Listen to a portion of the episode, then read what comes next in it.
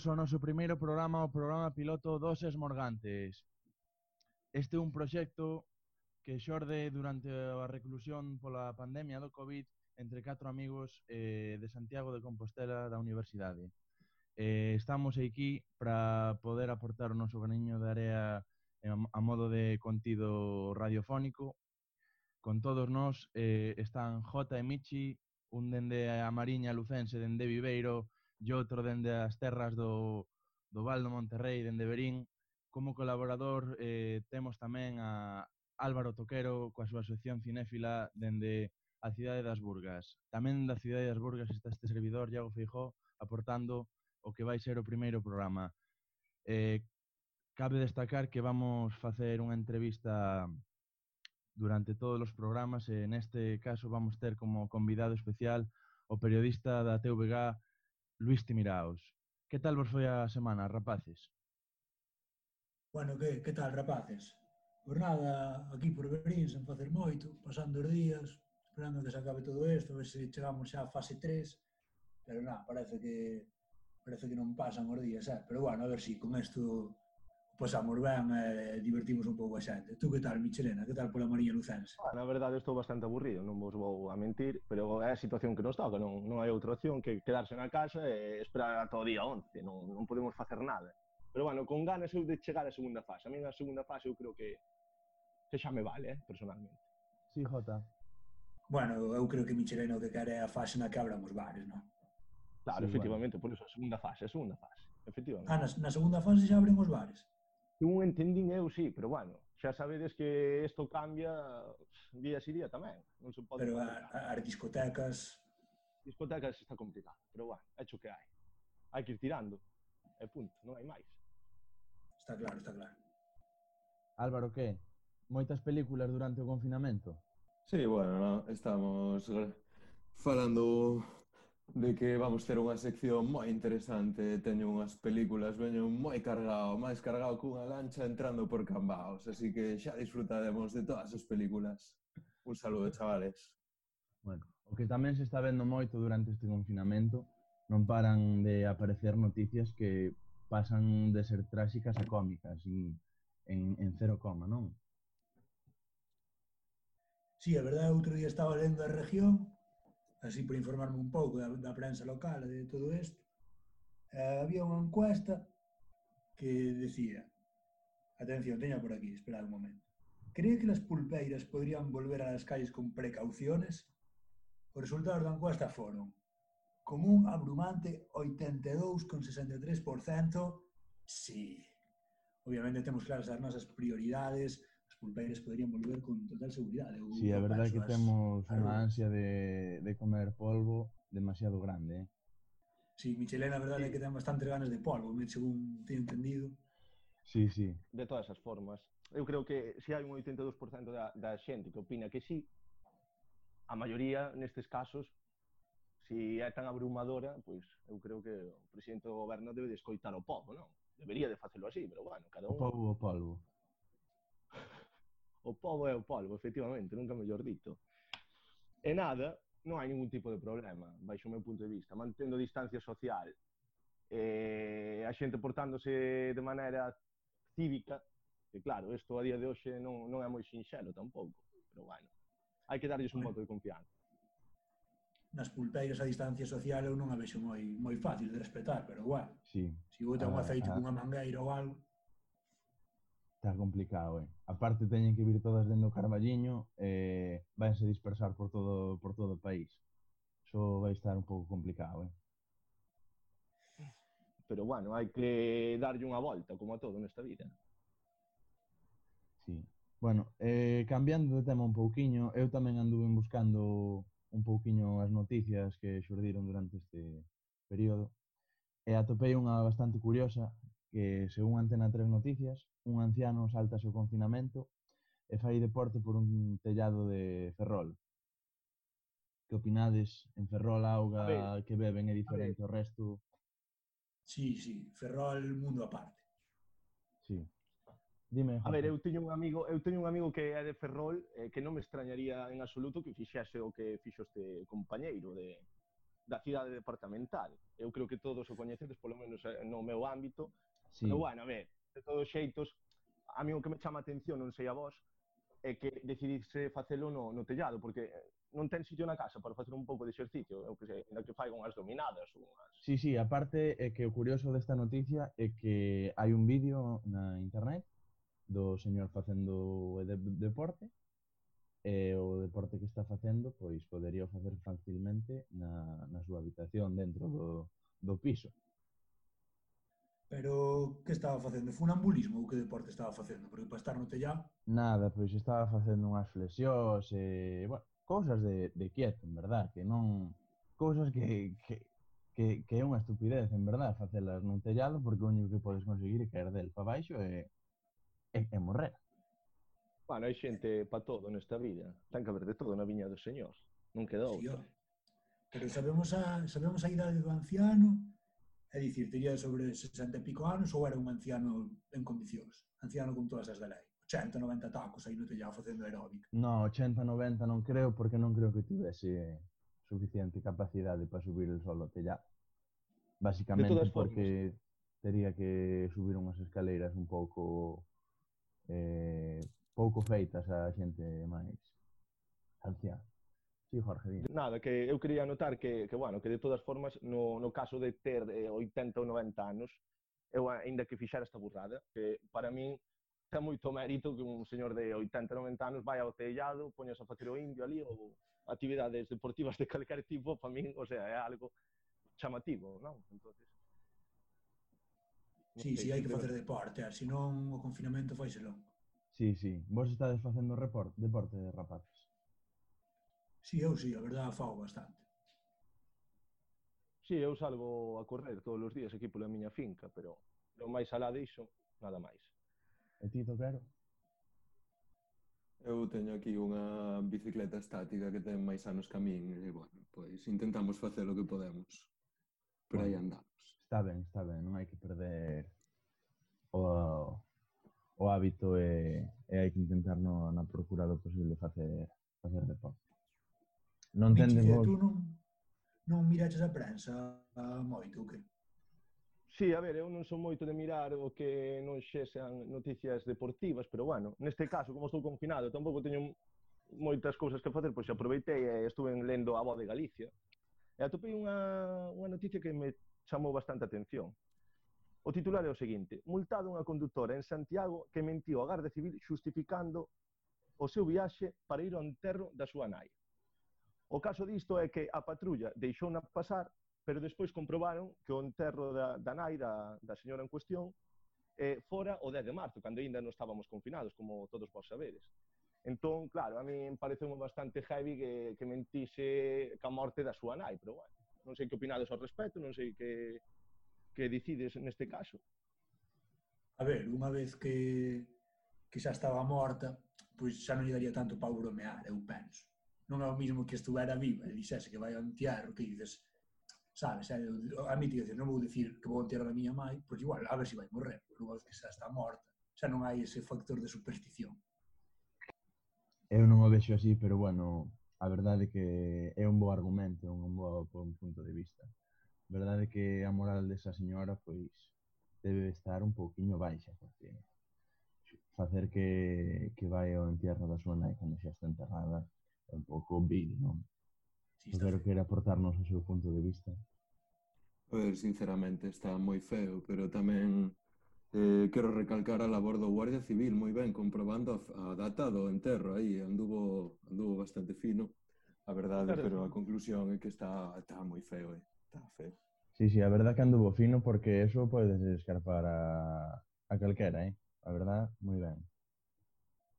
Sí, sí, é a mítica que che dá pau preguntar, en plan, dame o certificado de función da túa nai cando estás indo ao seu enterro, non é algo que se, que se suele pedir. No. Pero moi ben, moi ben, pescudando. Non, está feo o que fixe. Eu, eu digo que pode que o fixase por, por tema supersticioso, non temos ese factor, pero sí, obviamente está feo. Sí, e hai que destacar que a superstición en Galicia é bastante grande, sobre todo sí, sí. na xente que pasa dos 50 anos. De todas formas, a Garda Civil tamén ten bastante tempo libre, eh? non, non é todo traballar, e menos nese colectivo, baixo o meu punto de vista, pero bueno.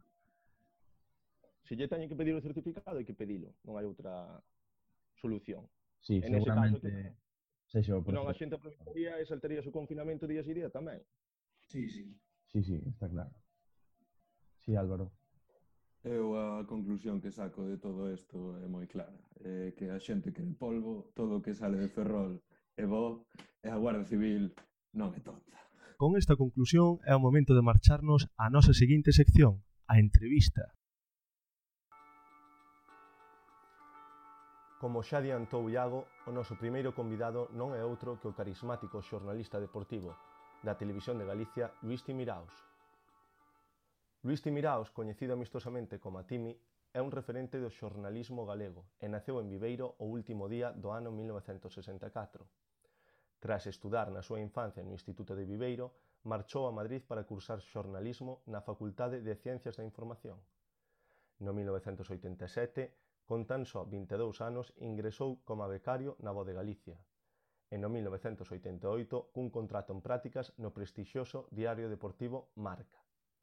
A súa excelente labor xornalística e a súa profesionalidade valéronlle para facerse un oco nesta cabeceira ata 1991. Nese mesmo curso abandona a redacción de Marca e decide emprender unha nova etapa no Diario Claro, unha experiencia que tan só durou oito meses debido ao peche do mesmo. Despois diso, Luis Timiraos é contratado pola TVG, donde acumula máis de 28 anos, convertíndose deste xeito nunha das facianas máis recoñecibles dentro do xornalismo deportivo galego. Actualmente é un dos redactores de deportes na TVG e participa os domingos a noitiña no programa de fútbol galego En Xogo. Nos seus anos como profesional cubriu moitos eventos deportivos importantes, Copas de América, partidos europeos do Celta ou do Depor, ou incluso o Mundial de Fútbol 1990 disputado en Italia. Pero disto xa nos falará a él ao longo desta entrevista. Moi boas tardes, Luís. É un placer terte connosco nos Esmorgantes. Que tal? Como estás levando estos tempos de cuarentena?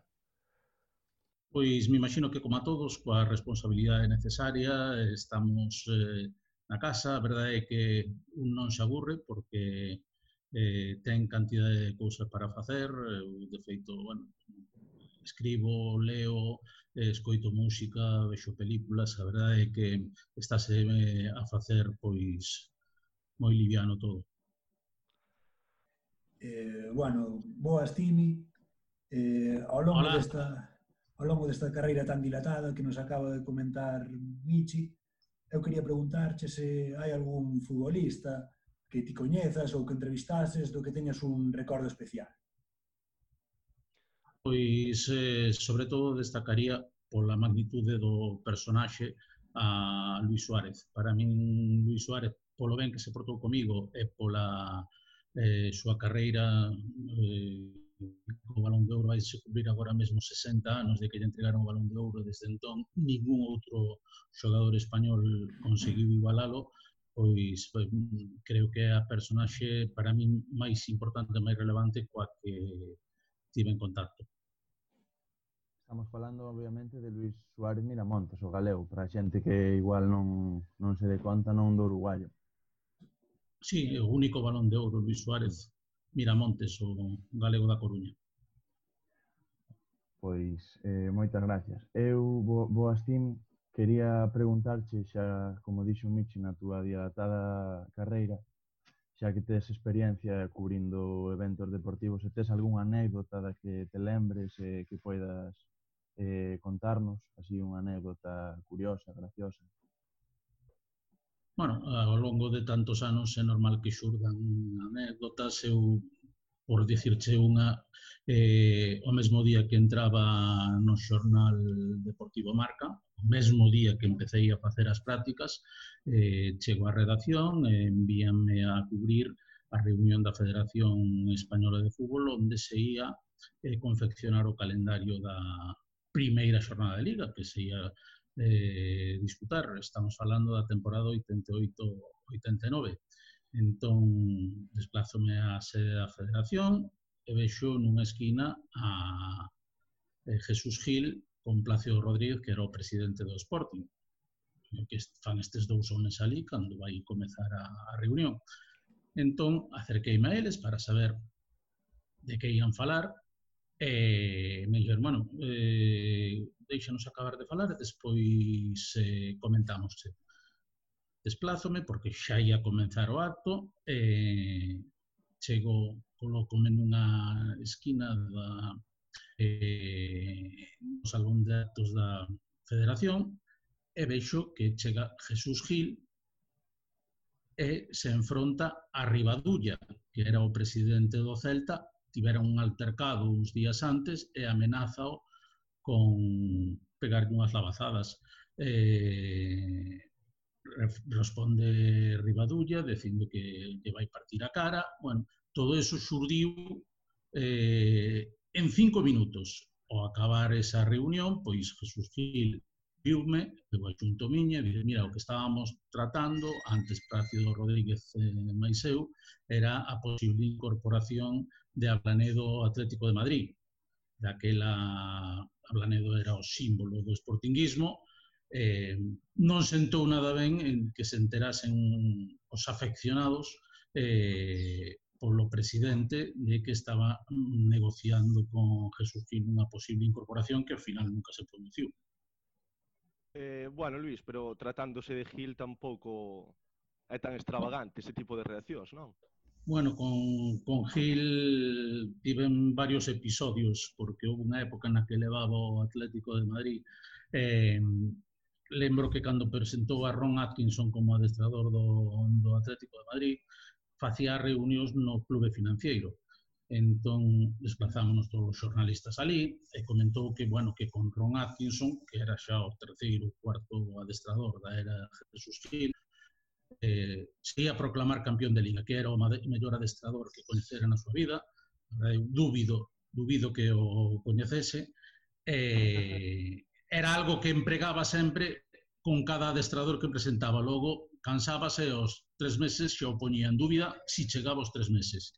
Entón, eh, a min deume a, a risa unha vez que o escoitei, porque xa o escoitara en anteriores oportunidades o mesmo discurso, eh, dirixiuse a min e tú ríete, ríete, que estoy harto de los eh, periodistas de, de marca que sois todos unos babosos e unos gusanos.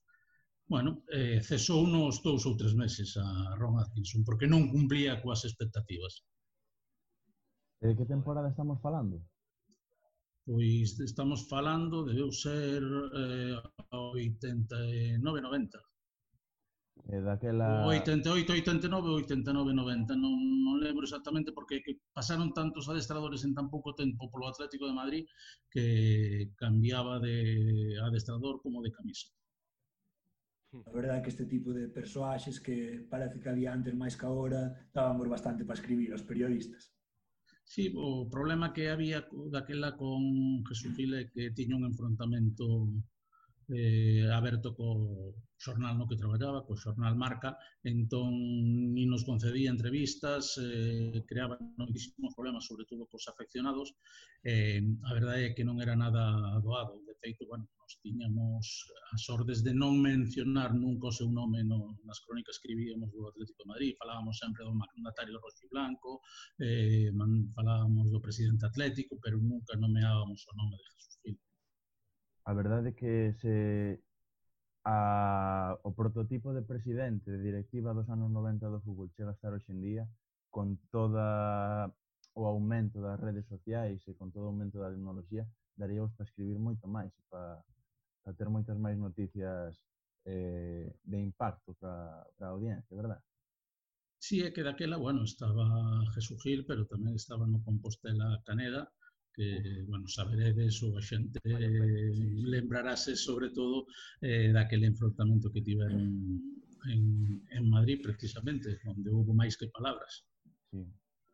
E co, que era o director deportivo tamén, estaba metido no Compostela. Na, sí, era o xerente, xerente. Fidalgo, Fidalgo, que en paz descanse. Eh, Timi, non sei se é verdade, pero eu teño entendido que, que, bueno, que Caneda tamén cando eh, Ronaldo meteu aquel majestuoso gol no campo do Compostela, quiso sacar proveito desa situación. Non sei se, se estás ao tanto disto, se é realmente certo ou simplemente é un bulo. Eh, a verdade, eh, a historia que houve respecto a ese gol é que eh, houve xogadores eh, os que formaban parte desa acción que quixeron eh, denunciar a Nike porque houve unha campaña publicitaria de Nike na que poñían ese gol de Ronaldo mm. e deixaba ou eles entendían que os deixaba en mal lugar a eles, que os ridiculizaba. Entón, emprenderon unha batalla, posiblemente mal asesorados, eh, contra a multinacional Nike para sacar proveito de acción por utilización indebida da imaxe. Unha demanda que non prosperou, evidentemente. Xa, xa. Entendo. Sí, eh, Jota. Eh, falando tamén así de directivos de outra época, eh, teño entendido que eran famosas algunhas das comidas que facía Lendoiro cos periodistas. Ti estiveches en algunha desas comidas? No, a mí non me invitaron. Nesa non estive, non. Pois mala bueno. sorte, eh, porque con Lendoiro comíase ben, eu creo, eh. A parte de comer, sí, bueno, eu... ben. supoño que sí, supoño que sí, sobre todo polos sitios onde comía. bueno, eh, cambiando un pouco de tema, eu tamén se quería preguntar, porque estes días está se vendo moito nos medios eh, que as ligas importantes, as ligas internacionais, teñen que tomar unha, unha decisión sobre que vai pasar polo tema este do coronavirus. Por exemplo, en Holanda quedou vacía a liga, en outros países estáse falando, pero eu quería saber eh, se titas algunha información de como se vai afrontar isto dende o punto de vista do fútbol regional galego. Porque, por exemplo, algún equipo como o Viveiro, que ti coñecerás moi ben, leva unha gran distancia ao segundo, prácticamente estaba ascendido, pois a ver se vai haber ascensos e non descensos, se se van acabar as ligas ou se titas algunha información acerca desto.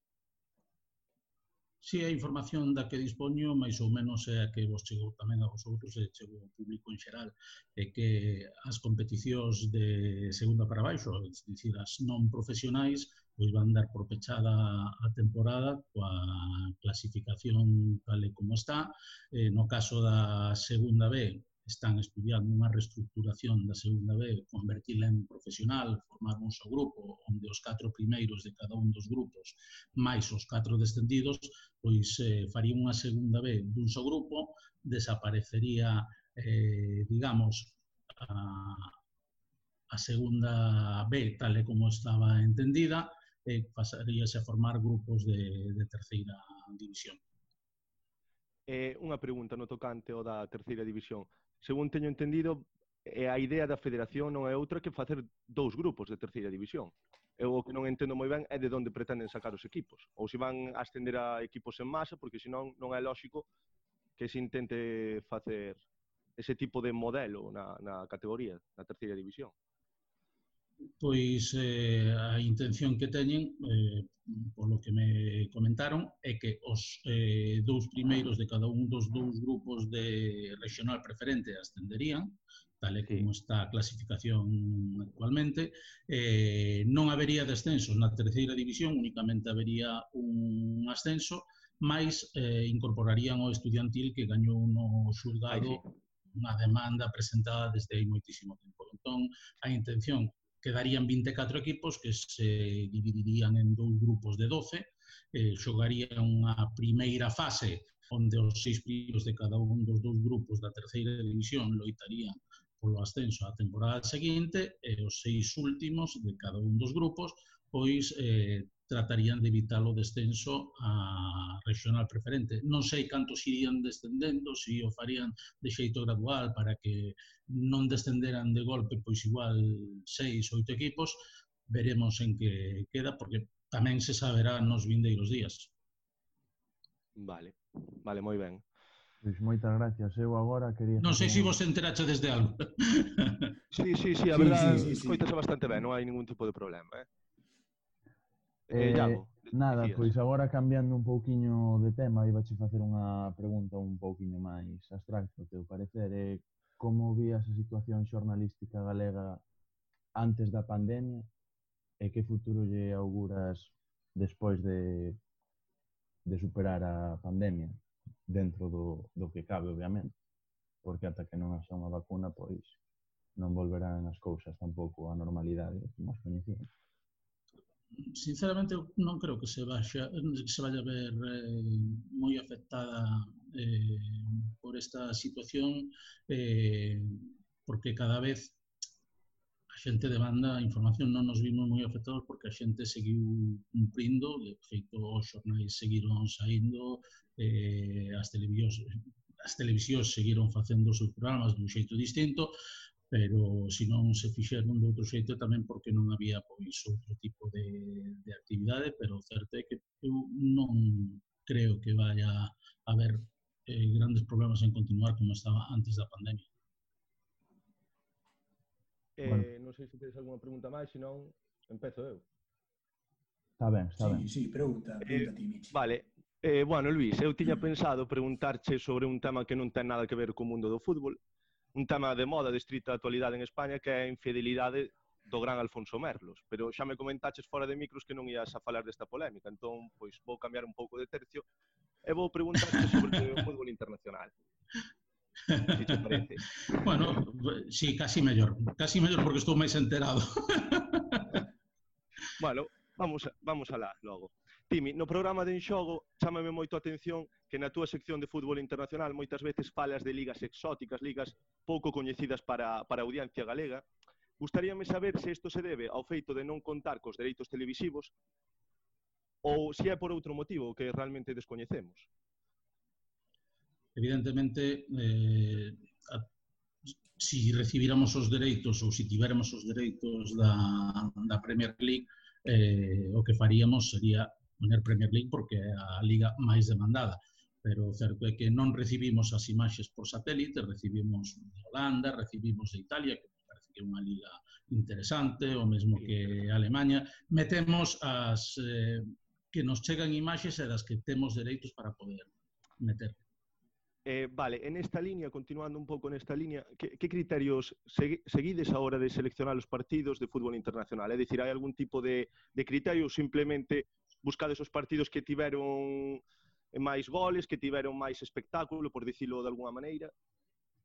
O criterio principal é a importancia do, do partido, tanto no campeonato como no que se supón eh, ten de trascendencia dentro do que é o campeonato. Pode ser que Inter e Juventus non estean ben clasificados, pero cando se enfrontan é como cando se enfrontan en España un Real Madrid e un Barcelona. Un Real Madrid e Barcelona xa ten historia de por sí. Entón, aínda que Real Madrid ou Barcelona esteñan mal clasificados, cada vez que se enfrentan xa é noticia mesmo pasa en Italia cando se enfrontan pois un Inter ou unha Juventus, evidentemente, se hai un partido no que hai moitos goles, un partido espectacular, pois tamén optamos por metelo para que a xente o poda comprobar. Vale. Vale, agora pois, mesmo está seguindo a, a Liga Bielorrusa e a de Turkmenistán, que creo que son das poucas que seguen en activo. Sí, as que nos están a chegar, bueno, a de mm, eh, Taxiquistán acaba de suspenderse ata o vindeiro 10 de marzo, co cal só continua en activo agora mesmo a de Turmenistán, que empezou hai dúas semanas, a de Nicaragua, a de Taiwán e a de Bielorrusia. Na de, na de Nicaragua hai un xogador ou galego ou español, non? Si mal non recordo. Español, Pablo Gallego. Pablo Gallego. Español, pero mira o apellido, que curioso. Sí. bueno, eh, Eh, Luís, eh, agora para rematar, vouche facer un cuestionario rápido, deses que facedes tamén en, en xogo de vez en cando. Tes dúas opcións mm. e só podes escoller unha. Por favor, intenta responder ca máxima sinceridade e se hai algunha que é un pouquiño incómoda, pois hai que respondela igual, non hai outra opción. Veña. De acordo. Playa Dispara. ou montaña? Praia. Playa ou montaña? Praia, praia. Cidade ou pobo? Pobo. Prensa ou radio? Prensa. Pulpo ou churrasco? Pulpo. Chándal ou traxe? Chándal. Marisco ou chuletón de boi? Marisco. Roncola ou gin tonic? Gin tonic. Xa me parecía a min caras de gin tonic. Viño ou cervexa? Viño. Bundesliga ou Premier? Premier. Vale, agora vamos entrar nunha parte con bastante máis chicha, eh? Moi atento. Ben. A Coruña ou Santiago? Bueno, hai que ter que elegir eh, entre as dúas. Mollar, Evidentemente, mollar, pois eh, si teño que escoller como cidade a Coruña. Moi ben. Depor ou Celta? Mm. Este silencio non me gusta nada, eh? É que calquera cousa que diga pode ser utilizada en contra miña. É o que pretendemos. Os dous, é que os dous, no, porque isto despois, isto despois salta a redes e propagas que non é necesario. Bueno, pois calquera entón, dos dous galegos que lle vaya ben aos dous equipos galegos porque eso beneficia a miña empresa, beneficianos a nós políticamente moi correcto. E na seguinte vas ter o mesmo problema, porque é Barcelona ou Madrid. Eh, o que xogue mellor, nese caso. Si nesa época está xogando mellor o Barcelona que o Real Madrid, pois o Barcelona, e si o Real Madrid xoga mellor que o Barcelona, son equipos estranxeiros. Está boa, boa resposta. Eh, Messi ou Maradona? Aquí podes te mollar, eh? eh, diría que Messi, pero canto máis vexo a Maradona, eh, máis igualado vexo o tema. Eh, eu agora mesmo diría che Messi, malia que eh, no duelo individual con el, a hora de, mm, da selección, Maradona superou. Vale, moi ben. Pelé ou Messi? Pelé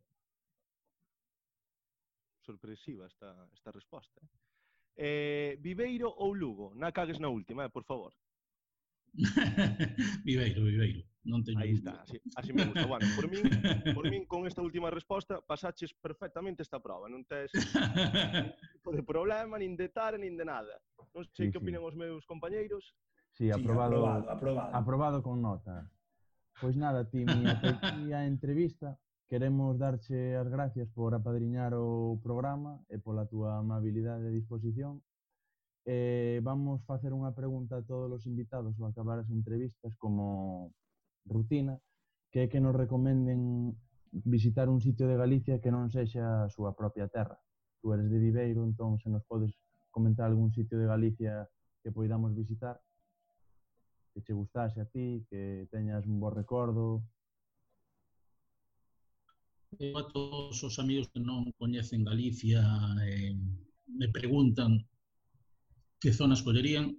eu sempre lle recomendo que collan desde a fronteira con Asturias, desde Ribadeo, e que percorran todo o litoral das Rías Altas, digamos, ata, ata Ferrol, eh, onde se poden atopar con verdadeiras maravillas, en calquera dos sitios. Zona moi pouco... Moi mariñán todo. Eh, moi, moi, moi pouco publicitada con respecto a outras, verdade? É moi bonita. Para min sí, para min sí. Eh, eso tamén forma parte do seu encanto e que non, non esteña aínda o suficientemente explotada sí. e que por eso tamén se manteña. De feito, bueno, cada vez máis a, a Praia das Catedrais pois eh, é un obxecto de, de culto, non? Timi, empezaches moi ben a entrevista, pero está la, acabando mellor, eh? baixo o meu punto de vista moi acertado na parte final. Sí, sí, sempre, sempre correcto, Tini. Pois agora ven unha sección moi cinéfila da, da man de Tocaro. Se te queres quedar, Tini, son cinco minutos que imos disfrutar do mellor cine sí, de sí, serie sí. B. Así que, sen máis dilación, doulle paso a este cinéfilo de Trasariz que nos van a comentar o mellor do cine de serie B. Adiante, Tocaro. Bueno, boas a todos. Se queredes comentar algunha cousa ao longo da sección, Timi incluído, pois uh -huh. simplemente comentar Michi, sí, antes de empezar. Eh, se si podes acercar un pouquiño o micro que non escoitaseme mellor así. Perfecto. Sí, moito mellor. Sí, perfecto. Bueno, primeiro vou facer unha pequena explicación sobre esta sección debido que o primeiro programa no que fago é que eu quero ser un experto en cine, Timi. Entón, para ser un experto en cine hai que ver todas as películas posibles. Eso inclúe películas de de serie B, eh, películas, pois, calificanos xa directamente de moi malas, horribles incluso. entón, pois... Están botando eu... un documental agora mesmo, están botando un documental en, en Movistar mm, sobre o peor director de cine da, da historia. Non sei se tiveche a oportunidade de ver. Pois non, pero a verdade é que vou anotar, eh? Isto sí que non me esperaba. Que apuntalo. Moitas grazas. Habrá que apuntalo na libreta. Habrá que anotalo. Entón, Nesta pandemia, pois, todo o mundo ten vocación. Supoño que a túa será o xornalismo, a de J e a física, a de Michi as mulleres. Pois eu, pois, tiven, eh, tiven a vocación esta de facerme un experto en cine e traeros o mellor cine. Hoxe eh, iba a traer unha película, pero dime conta dun pequeno, de, un pequeno detalle que vou vos contar agora. A película que quería traer é eh, Territorio Escualo é unha película eh, simplemente bazofia. Hai mil maneiras mellores de desgastar as retinas en vez de ver esta, esta película. Pero faime ilus, especial ilusión esta xente que o título original da película é Frenzy. Para aqueles que non teñan pois un nivel de inglés eh, básico, Frenzy significa frenesí. Entón, de frenesí pasou a territorio escualo. E a miña pregunta é, quen é a persoa que está na súa casa e decide frenesi, frenesí, territorio escualo? É que pareceme unha tomadura de pelo, sinceramente. Non sei se tedes alguma opinión o respecto, pero pareceme inverosímil isto.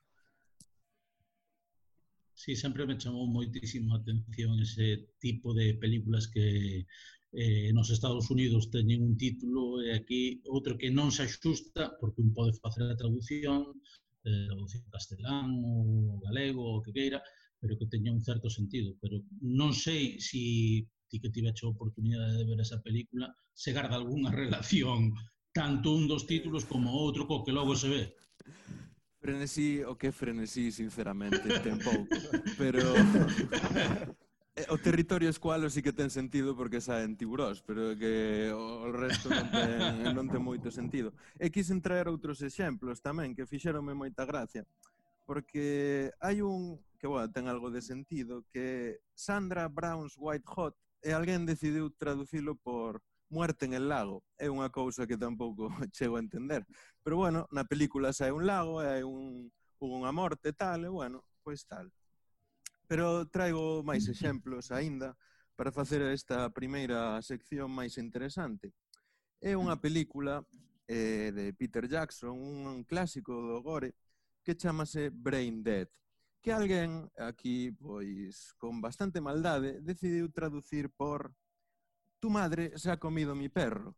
A min isto, pois, eh, pareceme un acto incluso calificable de terrorismo. Eh, a xente non pensa que detrás dunha película hai xente que as súas familias, que hai que gañar cartos, que esméranse. E alguén fai isto e pff, quedaste mal, sabes? É unha cousa que non, non chego a entender. E hoxe quería destacar esta pequena parte do cine serie B as súas traducións dos títulos orixinais. Moitas gracias. Moitas gracias a ti eh, tamén, Toki.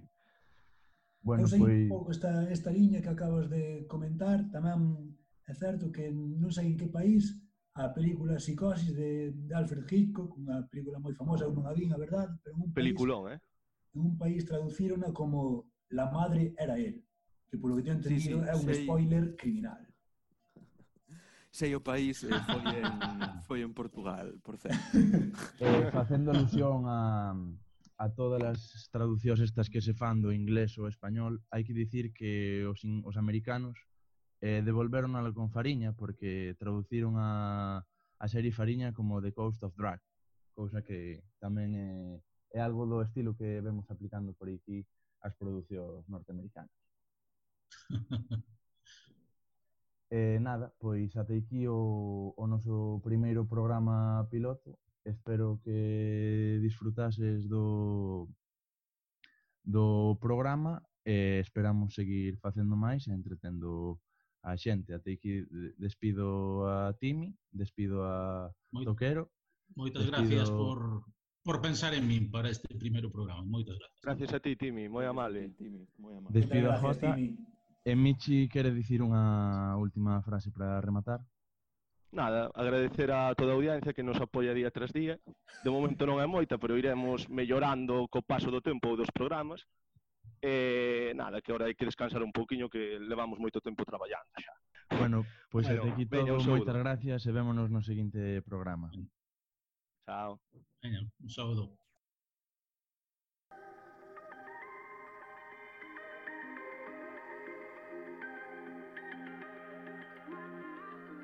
Bueno, eh, e ata aquí chegou o noso primeiro programa dos Esmorgantes. Esperemos que disfrutaredes moito. Ata a próxima, saudiños!